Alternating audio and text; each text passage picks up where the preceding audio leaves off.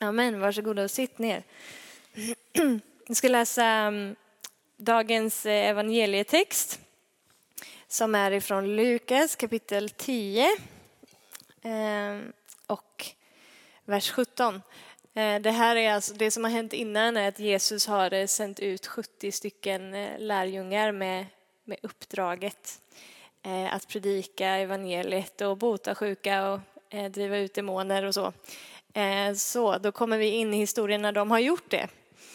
De 70 kom glada tillbaka och berättade Herre, till och med de onda andarna lyder oss i ditt namn. Han sa till dem, jag såg Satan falla ner från himlen som en blixt.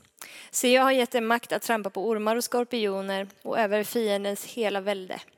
Ingenting ska någonsin skada er, men gläd er inte över att andarna lyder er, utan gläd er över att era namn är skrivna i himlen. Så lyder det heliga evangeliet. Lovad vare du, Kristus. Ja, då har vi läst den. Jag ska inte predika över den texten nu, men då har vi läst den i alla fall. Jag ska hålla mig till temat som är för den här kvällen enligt kyrkåret, som Alma redan har sagt, som är änglar. Jag har aldrig i hela mitt liv predikat om änglar och när jag satte mig igår och skulle förbereda detta så bara, vad i hela friden ska jag säga? Det var liksom inte helt självklart och jag kände inte att det i mitt hjärta trillade ner liksom någonting som blev som en punchline som jag kunde bygga en predikan kring. Ehm, så den här kvällen kanske blir lite mera bara så här, lite mera undervisning bara. Vi ska dyka in i, i massor med bibelord och förhoppningsvis få lite mera förståelse för vad änglar är, eh, vad de har för funktion och så. Eh, förståelse så långt som, som Bibeln visar oss om det. Ehm, eh, så vi kommer inte lägga upp alla bibelorden här för då skulle Emil få det onödigt svettigt om öronen. Och vi kanske inte läser alla heller för det kommer ta jättelång tid. Men jag nämner ehm, så får ni gå tillbaka och lyssna på inspelningen sen och liksom bläddra upp bibelreferenserna själva om ni vill eh, läsa mer. Sounds fair? Vad bra, för ni har inget val för det kommer jag göra ändå. Ehm, Bibeln är ju ganska tydlig med att det finns en, en andlig verklighet. Eh, alltså det finns en verklighet som är bortom detta, liksom, det fysiska, det jordiska som vi ser med blotta ögonen och som vi kan, som vi kan ta på. Eh, och den här eh, andliga verkligheten i något mått påverkar den fysiska verkligheten som du och jag lever i. Och den, är liksom, den här verkligheten är ju ständigt närvarande, ständigt pågående och ibland får vi blicka in i den och ibland så är vi lite blinda för den. Men en del av den här andliga verkligheten i alla fall är änglar. Ehm, och Bibeln lär oss att Gud har änglar och Satan har änglar. Ehm, och Satans änglar är det som vi brukar kalla för onda andar eller demoner. Ehm, de var alla en del av av liksom himmelriket där Gud var från början, men Satan och en tredjedel av, av änglarna gjorde uppror och kastades ner till jorden. Eh, hur som helst så ska vi inte lägga fokus på något annat än Guds änglar just den här kvällen för att försöka förstå eh, varför de, eller varför de finns, men att de finns ska vi försöka förstå. de här änglarna, eller Guds änglar, när jag började läsa om det här igår så eh, lärde jag mig att det omnämns faktiskt, änglar omnämns i alla Bibelns böcker utom fyra stycken. Så det är ganska vanligt förekommande ändå. Mycket mer än vad vi nog tänker på. Det står lite här och där. Själva ordet ängel kommer från ett grekiskt ord som heter angelos, jag vet inte om det uttalas så, men typiskt, eh, som betyder sändebud eller budbärare. Ni får fråga Benjamin sen hur man säger det där ordet rätt. Han kan nog det bättre än vad jag kan. Ehm, när vi tänker på änglar och vad en ängel är så tror jag att vi många gånger har en ganska så ske, eller obiblisk bild av vad det är. Jag hade väldigt många bokmärken med änglar när jag var liten och då var det liksom ett litet eh, fluffigt moln och så satt det typ sådant där ja. någon söt liten varelse med små vingar liksom. Eller eh, någon slags eh, naken varelse med trumpet. Var det också, har vi det där också eller? I taket. Vad roligt. ja. Eh, så där, när jag har läst i Bibeln igår då, massa, massa bibelställen om änglar, så var det inte på ett enda ställe som det beskrevs så där faktiskt. Så vi får väl fråga oss lite vart de där bilderna kommer ifrån. När Bibeln talar om änglar så talar den om mäktiga varelser. Eh, alltså riktigt mäktiga varelser och väldigt många gånger när det är människor som får möta änglar så blir de livrädda och faller ner. Liksom. Så det första ängeln säger är var inte rädd, eller frukta inte. Eh, så det är liksom inte bara någon så här gullig liten fluffig grej som fladdrar med sina, med sina små vingar. Utan det är mäktiga varelser, men eh, mäktiga är de ju bara för att den, den eh, den makt som de skulle ha, eller det bemyndigande som de har, har de fått ifrån Gud. Eh, han är överställd. Så jag tänker att vi ska börja med att bara kolla lite på liksom, ordningen på något sätt i det här. Eh, först ska vi bara läsa en beskrivning av änglarna som Hebreerbrevet ger oss. Jag tror att vi har den texten här i alla fall. Är inte änglarna andar i Guds tjänst, utsända för att hjälpa dem som ska ärva frälsningen? Det här på något sätt liksom ger oss en förståelse som ramar in lite vad de är.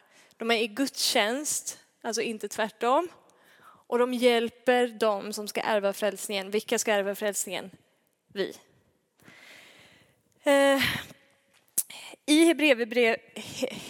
Hebreerbrevet kapitel 1 eh, så läser vi, vi kan faktiskt hoppa in i det så vi får det med oss för det är ganska viktigt att bara lägga grunden för det, så står det så här ifrån vers 4.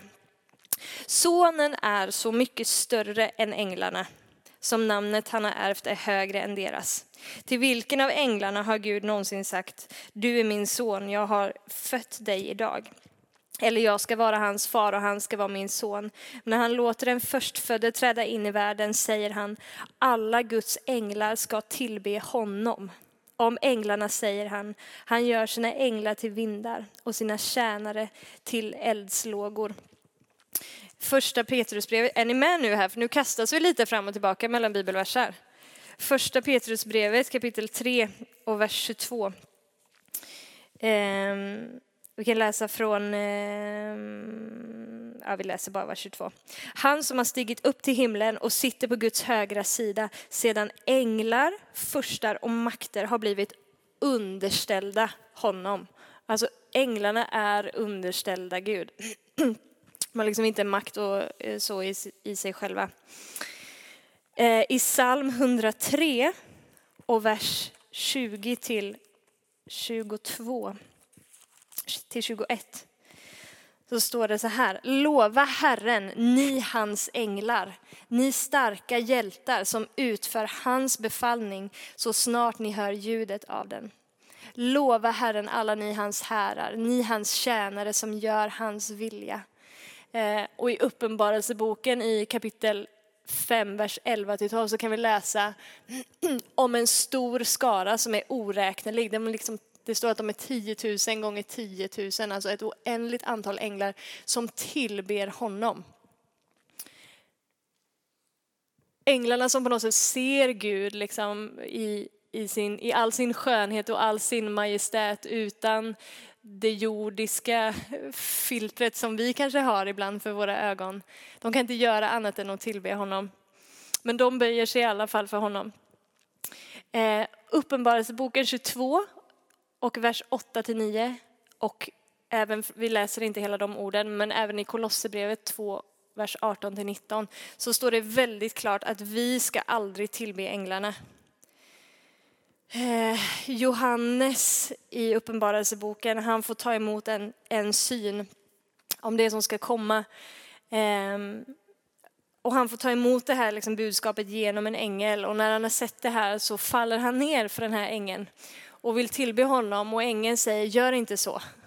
Det är inte mig du ska tillbe, det är en som du ska tillbe och det är Gud. Eh, så jag vill bara liksom lägga den grunden när vi går in och börjar prata, prata mer om vad änglar är. Liksom. Att de är aldrig föremål för vår tillbedjan. Det är Gud som är föremål för vår tillbedjan. Och änglarna är alltid underställda Gud. Och vad en av makt eller kraft som de har så har de fått den ifrån Gud. Och de är skapade av honom liksom, och inrättar sig efter hans ordning och efter hans vilja. nu då, när vi har gjort det, ska vi prata lite om vad änglarna gör för någonting. Änglarnas funktion. Eh, vi, jag läste lite grann om det här i en av psalmerna här alldeles nyss. Eh, ifrån psalm 103.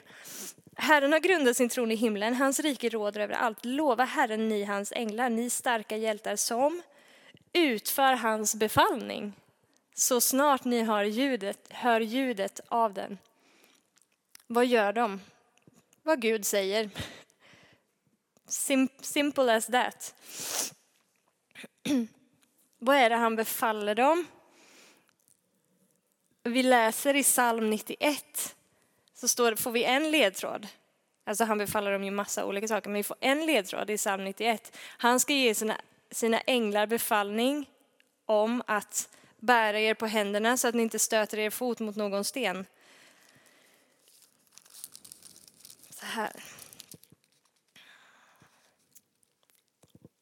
Inget ont ska drabba dig. Ingen plåga närmar sig din hydda. För hans änglar, han ska befalla sina änglar att bevara dig på alla dina vägar. De ska bära dig på sina händer så att du inte stöter din fot mot någon sten. Du ska gå fram över lejon och huggormar, trampa på unga lejon och drakar. Så en av deras uppgifter är att, att beskydda oss och det är kanske det främsta som vi tänker på när vi pratar om änglar. Alla har väl hört att vi snackar som skyddsänglar liksom. Jakob föreslog igår att jag skulle bara ställa mig här upp och sjunga Glöm inte bort att änglarna finns, att de är här för att se hur ni har det. Nej men de beskyddar oss, de bevarar oss från, från väldigt mycket och vi ser ju inte alltid det. Liksom. Alltså jag, jag ser inte alltid det i mitt eget liv i alla fall. Um, men jag är övertygad om att de finns där. För att Gud har gett befallning om det. Att, att ingen olycka ska drabba mig. Liksom. Det är vad han önskar. Och han har sänt ut sina änglar för att betjäna mig och bevara mig. Så, så mycket ont som skulle kanske ha hänt mig om inte änglarna var där. I don't know. mycket möjligt. Men de är där i alla fall. Ehm, vi läste ifrån eh, Daniel här i början. När eh, Daniel kastades i lejongropen. Eh, Anledningen till att han kastades i lejongropen var ju för att eh, de, eh, han hade blivit satt till, till eh, furste i kung Dara, Darajavers, eller Darajevers, eller hur man nu säger, eh, rike. Och det fanns några andra furstar och så kallade satrapper också. Och, och, så står det att Daniel hade en excellent ande så han utmärkte sig framför de andra och så blev de andra då avundsjuka på Daniel och försöker hitta någonting att anklaga honom för. Och det enda de hittar att anklaga honom för är hans gudsdyrkan. Alltså han faller inte ner för eh, för kungen och tillbe kungen eller de andra gudarna som tillbads i riket utan han väljer att bara, bara tillbe sin Gud, liksom den enda sanne guden. Ehm, och då så har ju de här eh, andra furstarna och så alltså trapporna gaddat sig samman och sagt att, till kungen att vi borde säga att alla som under 30 dagar tillber någon, någonting annat än dig, de ska kastas i lejongropen. Och sen så kommer de då på Daniel under den här tiden att han tillber sin Gud och då säger de då kastar vi honom i lejongropen. Och kungen blir lite förfärad för att eh, han gillar Daniel. Men hur som helst så har han ju sagt att han ska göra det, så Daniel blir kastad i den där lejongropen. Men ängeln är där och stänger till lejonets gap. Så han blir inte uppkäkad. Ganska häftigt att tänka på egentligen. Alltså vi läser, jag läser ju, när jag tänker på det här så tänker jag det i form av bilder som jag såg i min barnens bibel när jag var liten. Liksom. Och det är också något lite så gulligt lejon liksom, i någon fin liten grotta.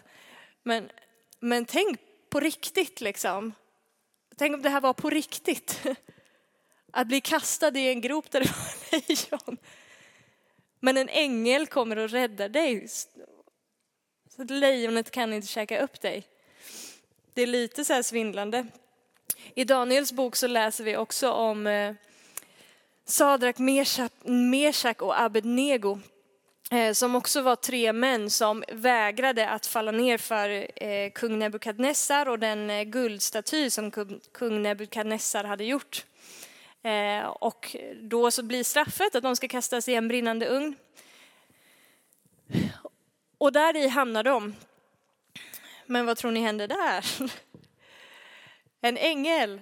Så när kungen kommer för att titta till, då, titta till liksom, i den där brinnande ugnen så ser han inte tre män längre utan han ser fyra män där inne. Och kungen säger att eran Gud är den sanne guden för att jag ser att en ängel har räddat er där inne. Så de blir inte ens svedda av lågan, det står att de luktade inte ens bränt när de kom ut.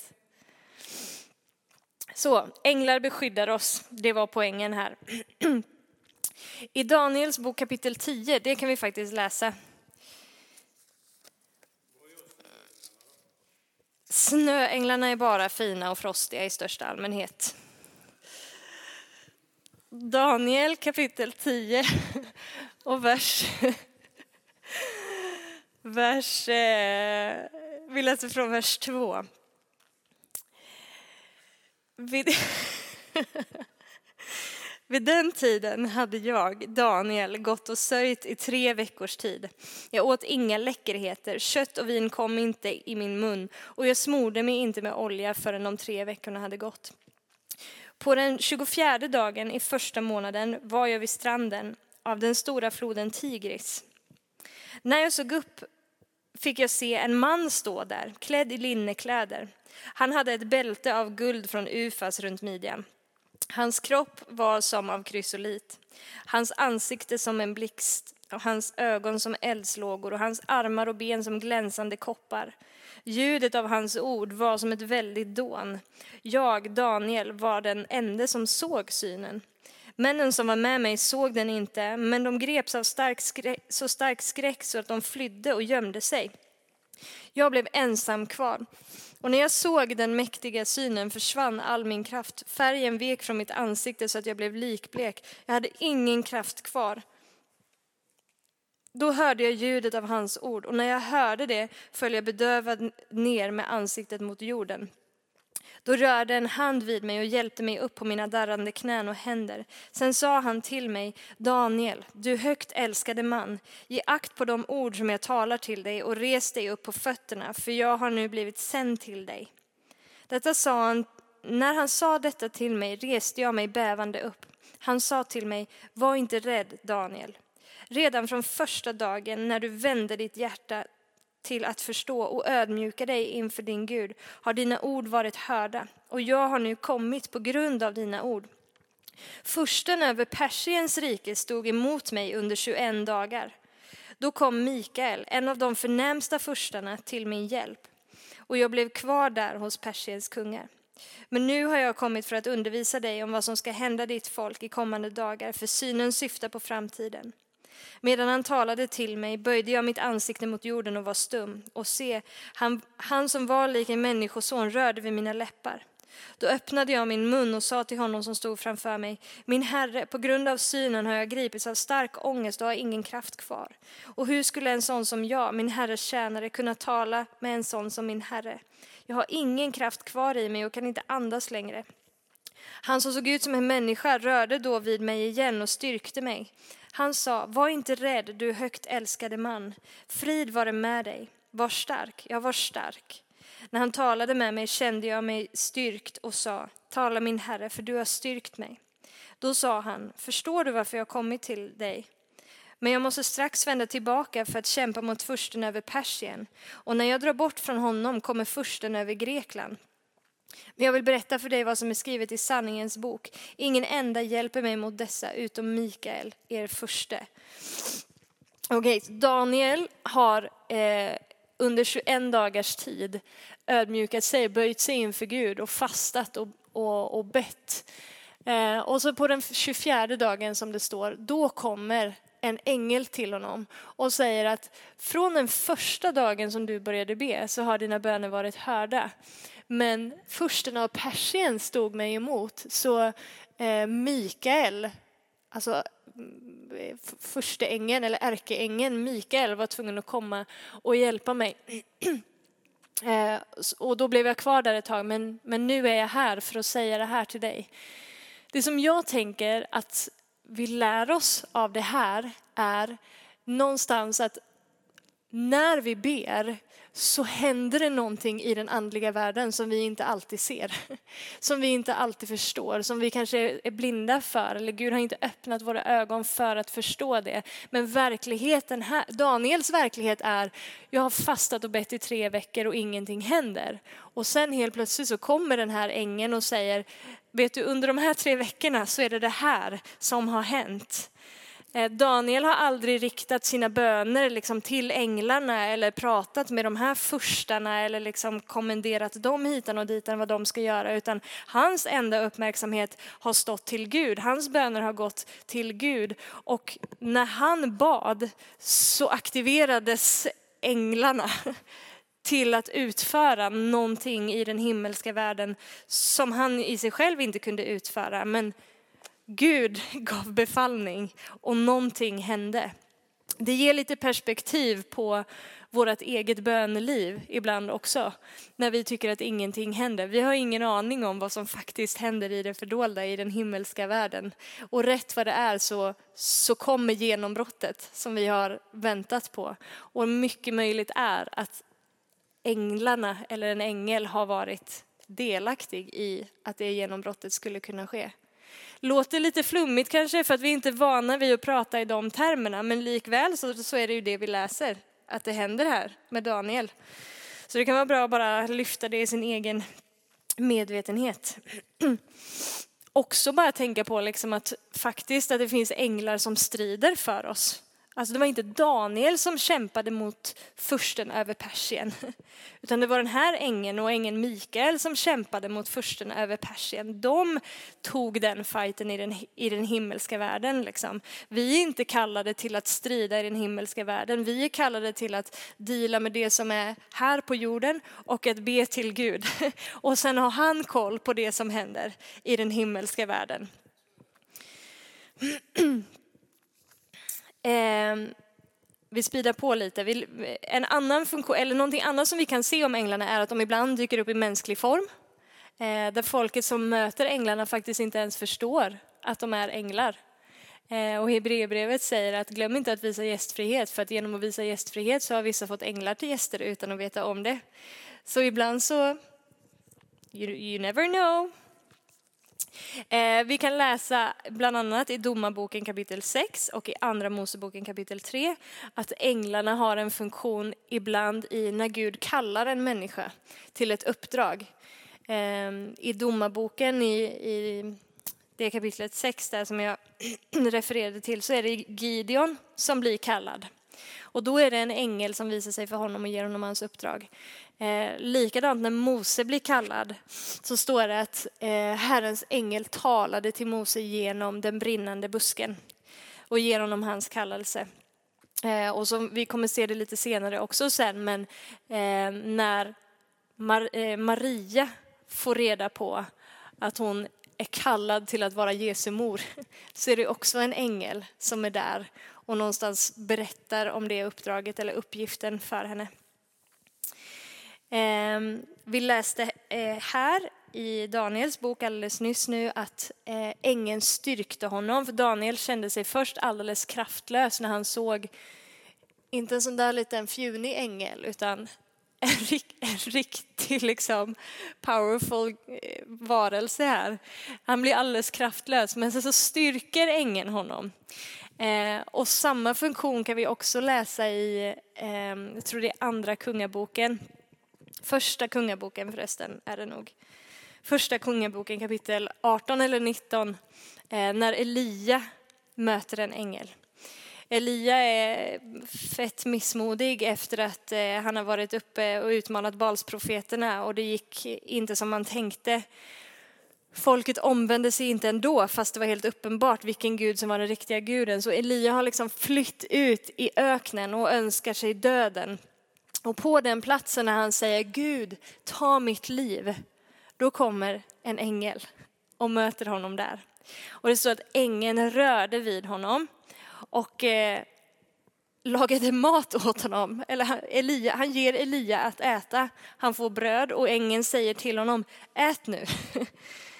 Relaterar hon till honom på väldigt bara mänskliga premisser. Liksom. Fysisk kontakt, ät din mat annars kommer du inte orka gå. Så det är Elias möte med, med änglarna. De styrker oss. Eh, vi ser änglarna eh, att de har en funktion ibland att leda oss rätt. Eh, när Israels folk ska gå ut ur Egypten så står det att eh, Herren går framför dem i en molnstod om dagen och i en eldstod om natten. Och på, på ett eh, ställe i fjärde Moseboken Eh, kapitel 22 så refereras den här molnstoden till som Herrens ängel. Så molnstoden och eldstoden var ju där för att visa dem vart de skulle gå, liksom, så att de inte skulle fam famla i blindo. Det finns ett annat exempel också på när, det finns, när änglar är involverade i att leda någon rätt. Ehm, och det är med en man som heter Biliam. Han är på väg att gå eh, alldeles åt fanders och göra någonting som Gud inte har sagt att han ska göra. Så han sadlar sin åsna och rider iväg. Eh, och då kommer en Herrens ängel och ställer sig i vägen för den här åsnan. Men Biliam ser inte åsnan, men åsnan, eller Biliam ser inte ängeln, men åsnan ser ängeln. Eh, så åsnan liksom väjer.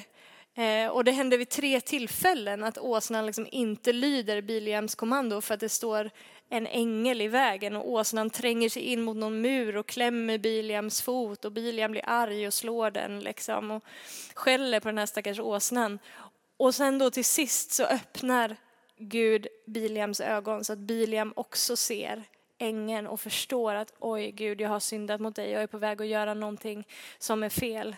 Men så Gud helt uppenbart liksom sände en ängel där för att hindra honom att gå en väg som inte var tänkt att han skulle gå, liksom, som skulle orsaka honom, honom skada. Så han bevarade honom på hans vägar, trots att han inte fattade det först. Det här är ju inte på något sätt en uttömmande lista, men det är några exempel på vad vi ser att änglarna har för funktion i, eh, i ordet. Änglarna har inte samma inblick i det som har med frälsningen att göra som vi har. Utan snarare så är det de som längtar efter att få blicka in i frälsningen. Eh, Gud anförtror sig och kommunicerar först och främst med sina barn och uppenbarar sina hemligheter först och främst för sina barn. Och Vi kan läsa ifrån Efesebrevet kapitel 3 och vers 10. Så står det att nu skulle Guds vishet i sin väldiga mångfald göras känd genom församlingen, alltså genom oss, för härskarna och makterna i den himmelska världen. Så det finns någonting som varelserna i den himmelska världen inte ser och inte vet, men som vi ser och som vi vet och som vi har fått ta del av och som får bli känt för dem genom oss och genom att Kristus tar sin gestalt i oss. Okej, nu kommer eh, eh, racet här, men det här är viktigt. Eh, änglarna är närvarande vid varje stort event som har med frälsningen att göra. Alltså vid varje stort event som har med Jesu liv att göra. Eh, och nu rabblar jag bara lite grejer här. Eh, när profeten Johannes ska födas, eh, det här kan man läsa om i Lukas kapitel 1 och från vers 11.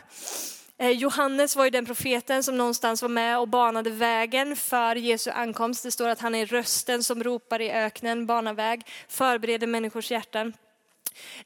när han ska födas så kommer det påbudet genom att Johannes pappa Sakarias som tjänade som överstepräst det året, han får möta en ängel i en syn när han är inne i templet för att offra. Eh, och ängeln talar till honom att du och din hustru ska få en son och hans namn ska vara Johannes. Sen kommer en ängel till Maria, ängeln Gabriel, och talar om att du ska bli havande. Du ska föda en son. Hans namn ska vara Emanuel, Gud med oss. En ängel uppenbarar sig för Josef och berättar hur det har gått till att Maria faktiskt är havande. För Josef får ju lite panik liksom och bara det här var inte bra. Eh, och tänker att han ska lämna Maria liksom, för att bevara heden i behåll. Och ängeln säger nej, du ska ta din hustru till dig för att det är så här det har gått till när hon har blivit havande. Eh, sen när Jesus väl har fötts så ser vi änglar igen. Här kan vi hoppa in i Lukas kapitel 2.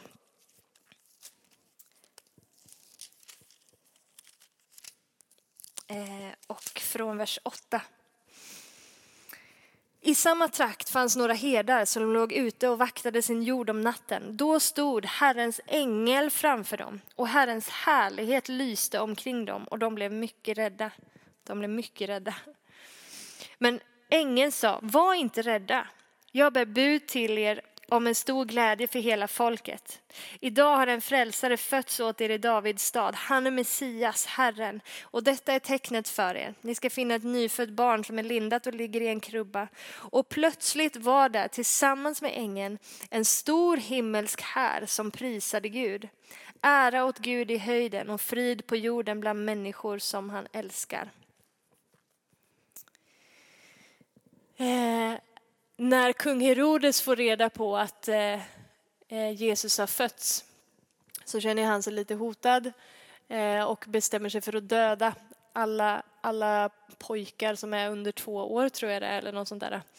Ehm, och då uppenbarar sig en ängel för Josef igen och säger att du ska ta ditt barn och din fru och fly till Egypten för att Herodes inte ska döda honom.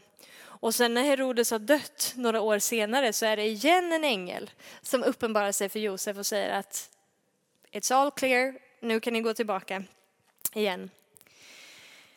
Eh, vi ser att det finns en ängel som är involverad när Jesus frestas i öknen. När de här 40 dagarna har gått av fasta eh, så står det till slut att änglar kom och betjänade honom. I Getsemane, när Jesus går igenom sin allra jobbigaste stund, eh, upp till den, fram till den punkten i hans jordiska liv, så står det ifrån Lukas kapitel 22.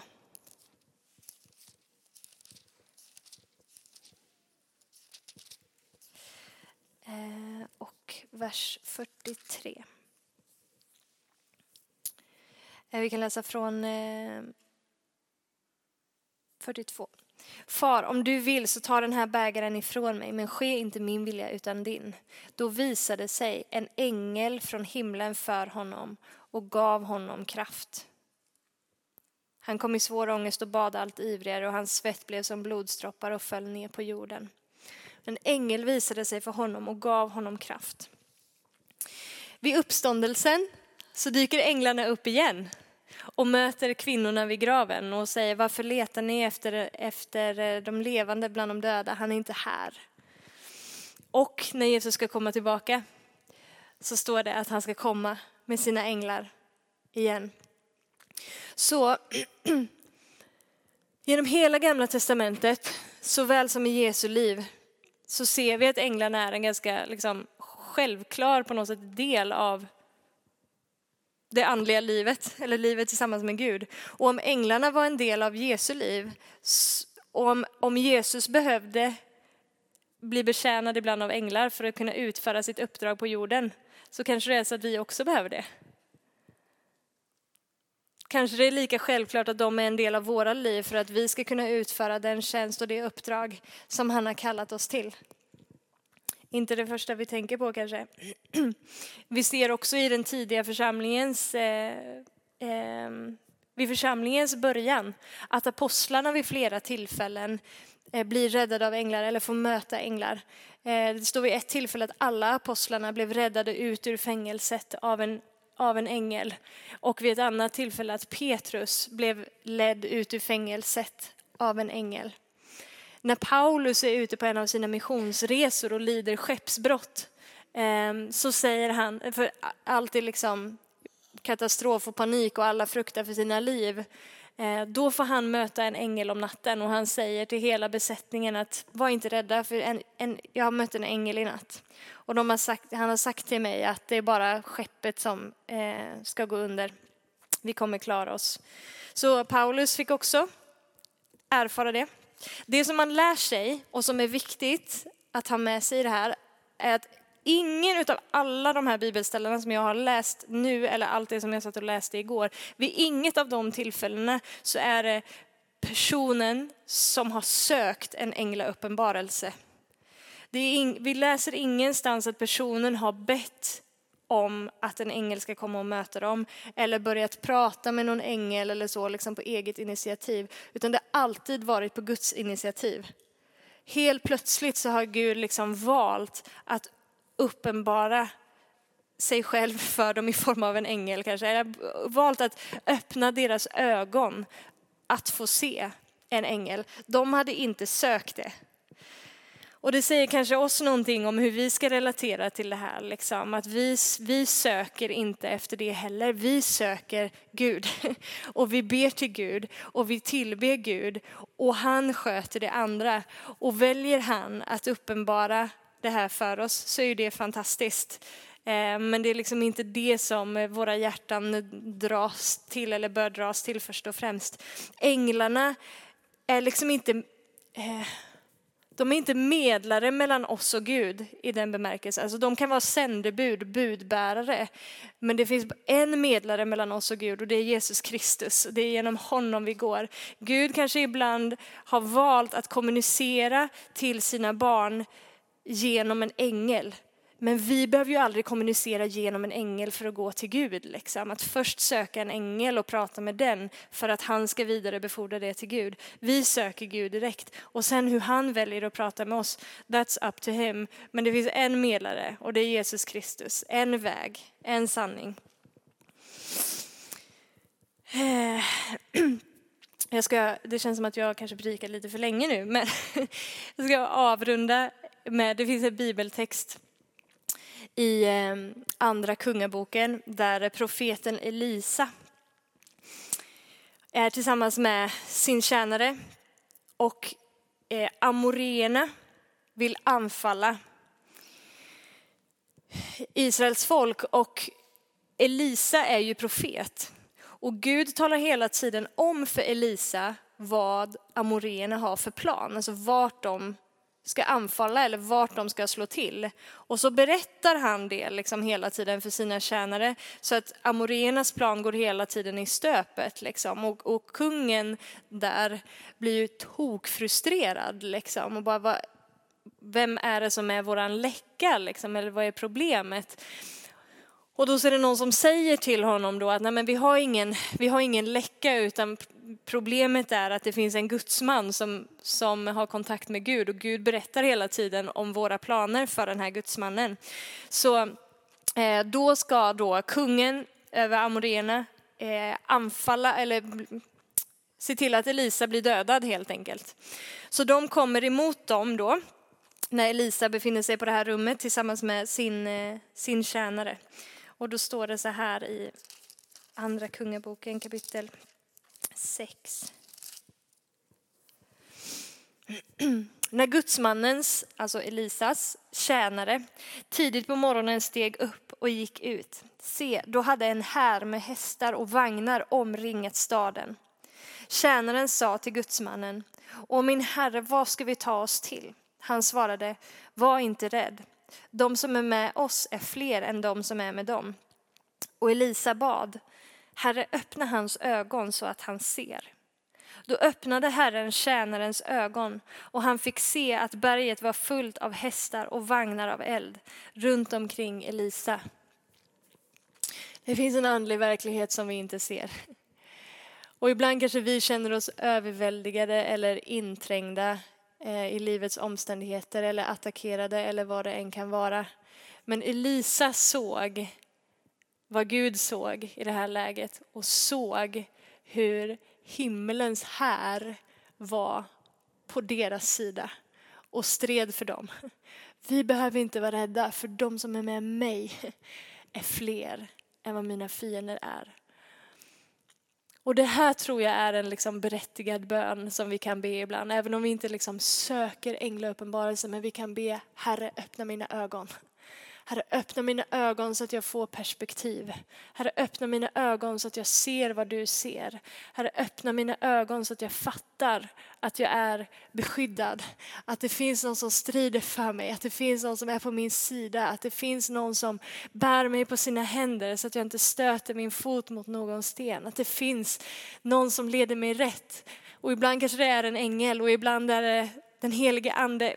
Gud väljer vilket sätt han vill, men summan av kardemumman.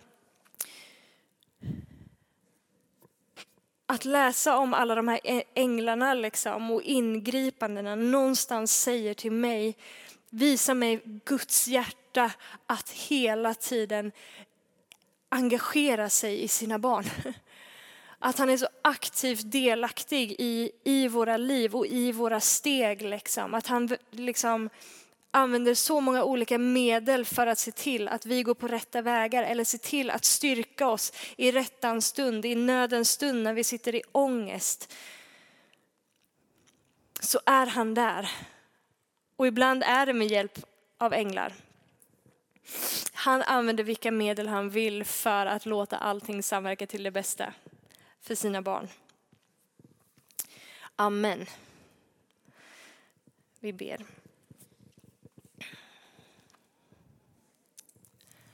Fader i himmelen. Fader i himmelen. Ah, helige Ande, tack att du är här. Tack att du är här, tack att vi får vara dina barn, tack att vi får tillhöra dig. Eh, tack att vi är fullständigt trygga i din hand, Herre. Tack att vi inte behöver frukta någonting, Herre. Tack att varken död eller liv, varken änglar eller furstar, varken något som nu är eller något som ska komma, varken makter, höjd eller djup eller något annat skapat ska kunna skilja oss ifrån Kristi kärlek. Inga änglar ens en gång kan skilja oss ifrån din kärlek, utan vi är så liksom fasthållna, så fastburna av dig.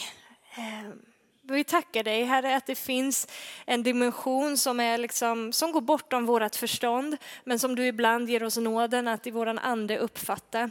Som du ibland ger oss nåden att, att eh, blicka in i. Tack att du ibland öppnar våra ögon för det som faktiskt händer. Och, och jag vill be det för oss som folk, Herre, att du skulle göra oss ännu mer medvetna om det, Gud. Vi söker inte efter änglar i den bemärkelsen, Herre, men vi söker efter en medvetenhet om den andliga världen, Herre. Vi vill inte vara okunniga i fråga om de andliga tingen, Gud, utan vi ber som Elisa bad, öppna våra ögon, Herre. Öppna våra ögon, Gud. Vi tackar dig att du eh, att du sänder dina änglar för att bevara oss. Vi tackar dig att du sänder dina änglar för att leda oss på rätta vägar. Vi tackar dig att du sänder dina änglar Gud för att beskydda oss, för att styrka oss Gud. Även när vi inte ser det, även när vi inte förstår det Herre, så kan vi bara vara trygga i att det finns de som strider för oss Gud.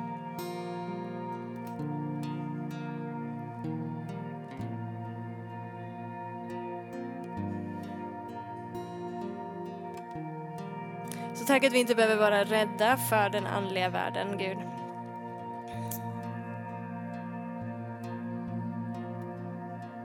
Vi behöver inte vara rädda för det som vi inte ser eller för det som vi inte förstår, Herre. För vi vet att du har koll på läget. Vi följer dig, vi gör det som du har kallat oss att göra. Herre, vi, vi utför vårt uppdrag på den här jorden att eh, gå ut och göra alla folk till lärjungar döpa dem i Faderns och Sonens och den helige Andes namn och lära dem att hålla allt vad du har befallt oss. Det är vårt uppdrag, Herre, och du sköter resten. Så vi vilar i den sanningen ikväll. I Jesu namn. Amen.